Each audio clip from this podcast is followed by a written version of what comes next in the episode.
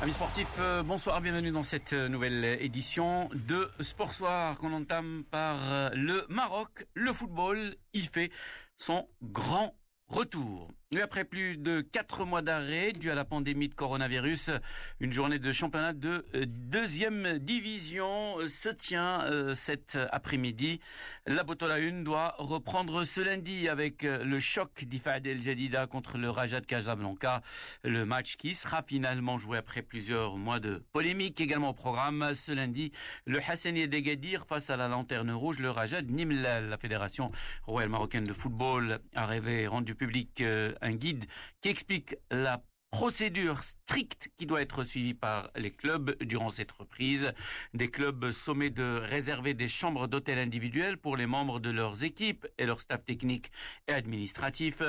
Ils se doivent aussi de réserver pour chaque joueur une bouteille d'eau personnelle lors des entraînements. Le dit guide interdit formellement aux joueurs d'emprunter les lieux communs des hôtels, ascenseurs, restaurants, sans oublier l'application stricte de la distanciation sociale. De même, les clubs ne peuvent pas utiliser plus de 50% de la capacité de leur autocar lors des déplacements entre les différentes villes. Autre disposition fixée par la fédération, les clubs se doivent de stériliser les bus et différents moyens de transport utilisés jour des matchs. Une fois arrivés au stade, la température des joueurs sera prise avant d'accéder au vestiaire et à la pelouse.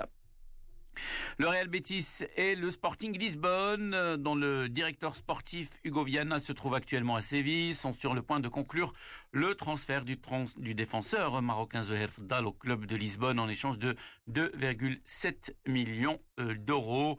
Selon l'agence de presse espagnole EFE, Fdal, sous contrat avec le Betis jusqu'en juin 2021, se rendra à Lisbonne la semaine prochaine pour passer un examen médical et signer un contrat de 4 ans dont les termes ont déjà été convenus avec le Sporting. Fdal a joué une centaine de matchs en première division espagnole avec le Betis à la et Levante. Il a disputé une saison en Serie A avec Parme. Marwan Fellaini a signé un retour fracassant aujourd'hui en championnat chinois avec un triplé pour son premier match après avoir passé trois semaines à l'hôpital en avril infecté par le euh, Covid-19. En avril, Fellaini, seul cas connu d'infection au coronavirus parmi les joueurs de la euh, euh, Super League chinoise. Une Super League qui a repris ce week-end en huis clos dans deux villes, Shoujo et Dalian, après cinq mois d'arrêt à cause de la pandémie. Tous les regards seront rivés tout à l'heure sur les Turinois qui recevront la Sampdoria de Gênes et ont besoin d'une victoire pour s'assurer un neuvième titre consécutif.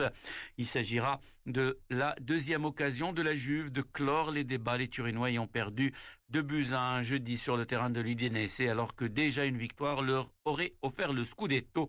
Les Turinois ont encore en comptant la Sampdoria trois matchs à disputer. Le titre leur est quasiment acquis s'ils ne se laissent pas perturber par la Ligue des Champions qui approche.